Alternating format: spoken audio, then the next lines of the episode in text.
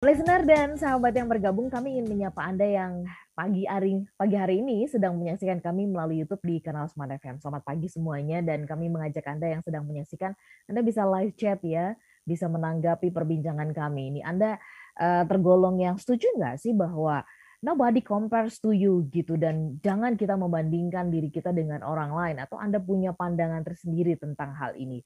Silakan Anda bisa sampaikan itu ya melalui live chat di YouTube di kanal Smart FM atau Anda bisa sampaikan melalui WhatsApp di 0812 11 12 959. Sekali lagi di 0812 11 12 959. Ada komentar dulu saya cicil ya Pak Arfan ya dari Pak Moses ya. Selamat pagi Pak Arfan. Lagu uh, Nothing Compares to You itu juga ada loh dari Sinead O'Connor ya. Uh, liriknya mirip-mirip lah begitu ya. Nah, menurutnya ini ada plus minusnya loh Pak kalau kita membandingkan gitu ya. Plusnya sebagai motivasi, minusnya kita jadi ingkar nih ya eh, ciptaan Tuhan. Bener nggak sih? Itu pandangannya Pak Karmoses. Mungkin Pak Arfan bisa sedikit memberikan tanggapan. Monggo Pak. Terima kasih Mbak Ola ya. Jadi um, boleh nggak sih kita melihat orang lain gitu ya? Melihat ya, bukan membandingkan ya. Melihat itu bukan membandingkan kan.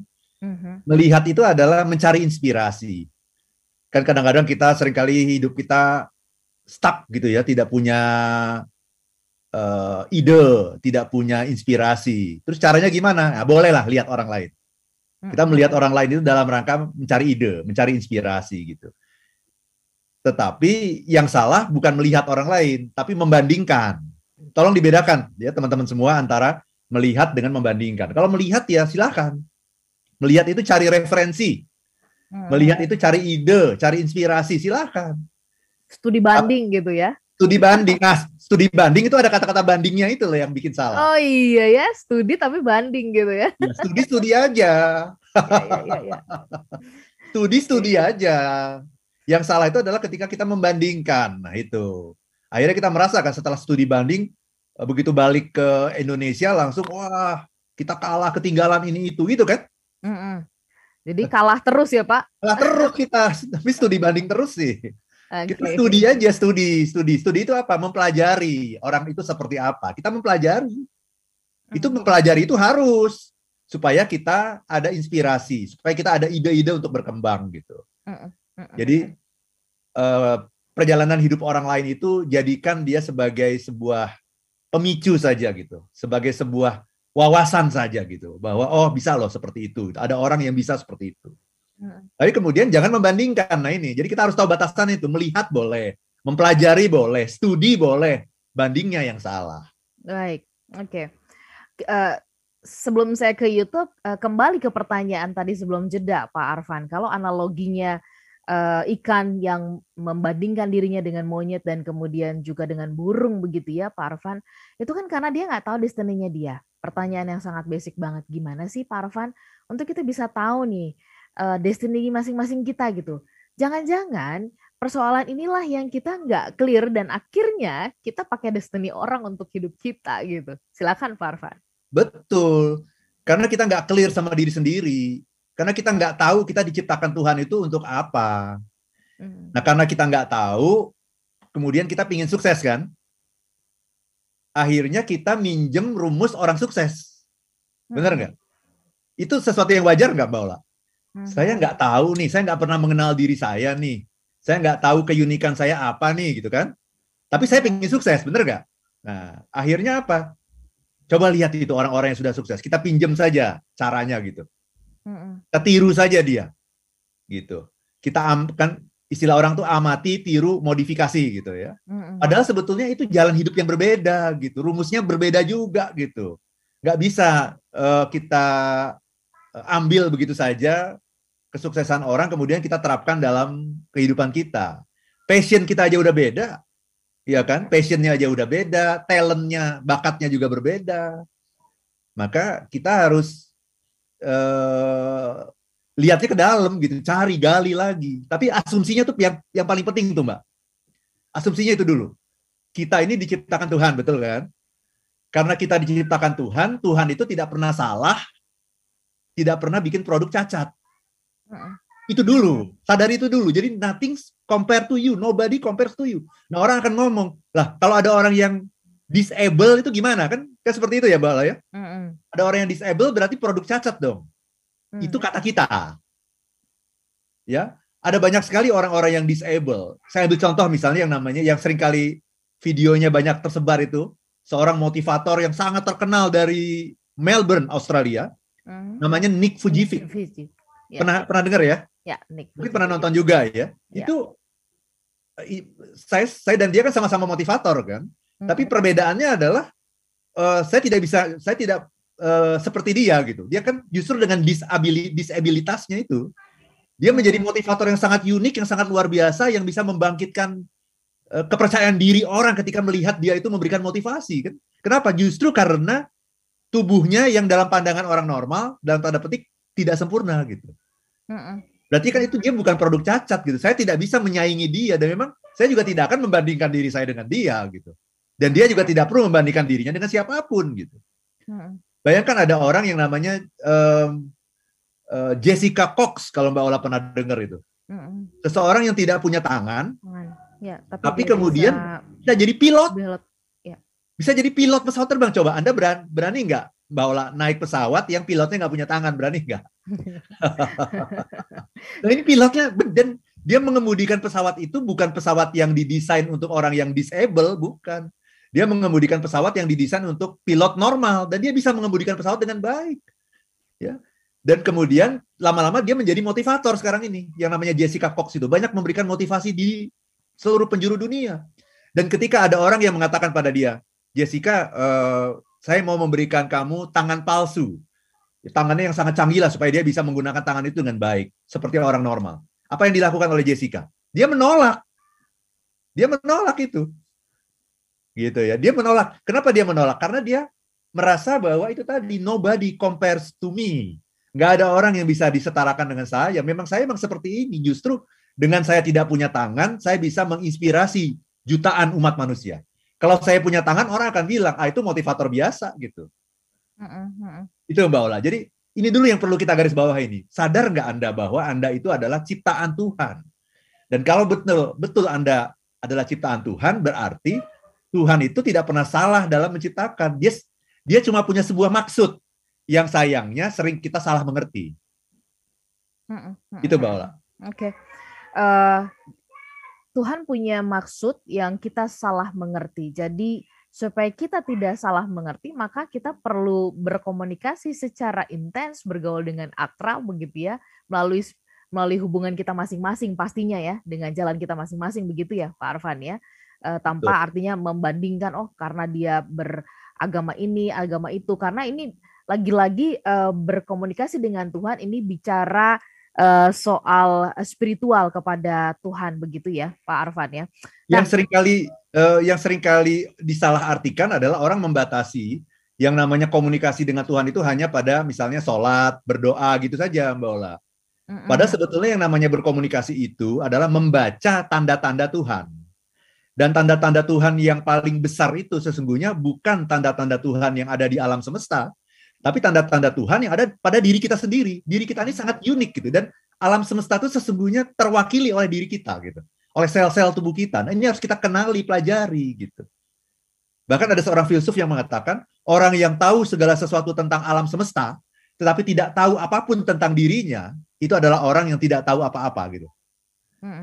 Jadi mem mengenal Tuhan itu, mempelajari Tuhan itu adalah dengan mengenali diri kita gitu sebagai ciptaan Tuhan. Ciptaan itu kan representasi kan, representasi Tuhan itu ada dalam diri kita gitu. Nah Tuhan yang maha besar itu tidak mungkin uh, menciptakan sesuatu yang uh, cacat, sesuatu yang tidak sempurna, sesuatu yang tidak unik gitu. Nah kalau kita menyadari itu, itu kebiasaan membanding-bandingkan akan dengan segera selesai gitu bahwa ketika kita menyadari akan indahnya kita, the beauty inside of, ourselves. Gitu. Iya, wow, the beauty inside of us gitu ya. Ini iya. mungkin next time kita bisa bahas topik tersendiri nih ya. Yes, ya. Yeah. Baik, Pak Arvan, uh, saya mau ke YouTube. Saya cicil juga nih ya, uh, yang sudah masuk di kesempatan pagi hari ini. Nanti kita akan tanggapi di part yang berikutnya. Ada Pak Bobi Alimenti. Salam bahagia, Pak Arvan ya. Happy birthday untuk Pak Arfan, semakin sukses, uh, berkah dan bahagia selalu. Kemudian Amin. ada Baik, uh, mode 1188 HBD ya, Pak Arfan Pradiansyah, semoga sehat, sukses dan terus menginspirasi ya. Amin, terima kasih. Lalu kemudian ada Clara Maria Wona. Selamat pagi, Pak Arfan. Uh, selamat ulang tahun. Sebagai orang tua, apakah yang apa yang bisa dilakukan untuk membantu diri sendiri dan anak-anak menjadi lebih menghargai diri sendiri? Salam dari Flores ya, dari oh. Boy Flores begitu. Okay. Silakan Pak Arfan.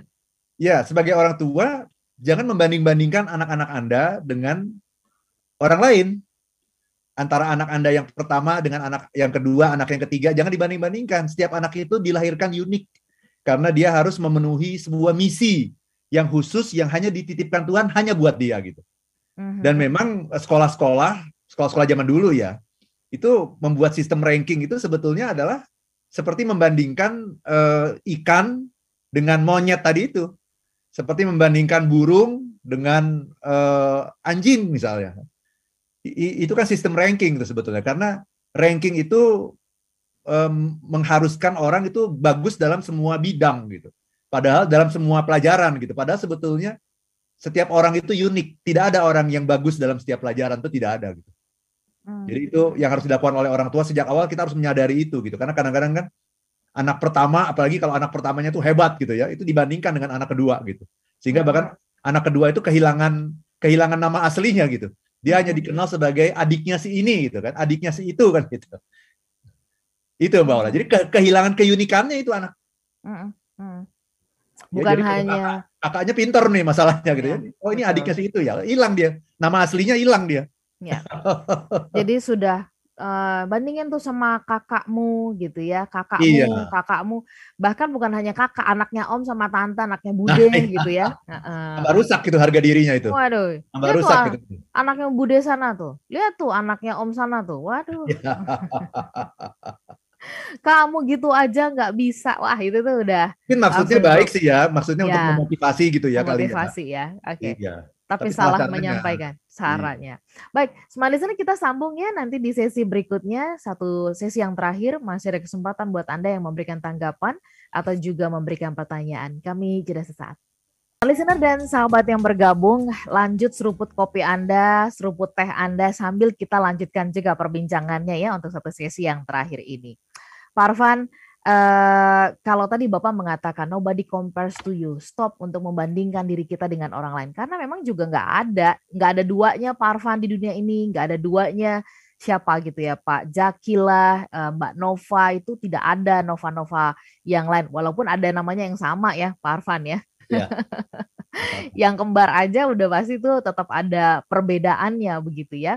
Nah tetapi uh, kita uh, itu kan idealnya ya Pak Arfan ya Nih kabar atau faktanya yang terjadi di lingkungan atau di sekitar kita ini kan nggak seperti itu. Kita seperti hidup di dalam dunia pembandingan gitu Pak Arfan. Dengan maraknya media sosial ya. Belum lagi kalau misalkan di perusahaan atau di, di, di kantor. Kita pasti setiap hari e, kalau meeting itu ya pasti akan mengcompare ya kan dengan e, pihak lain, perusahaan lain begitu.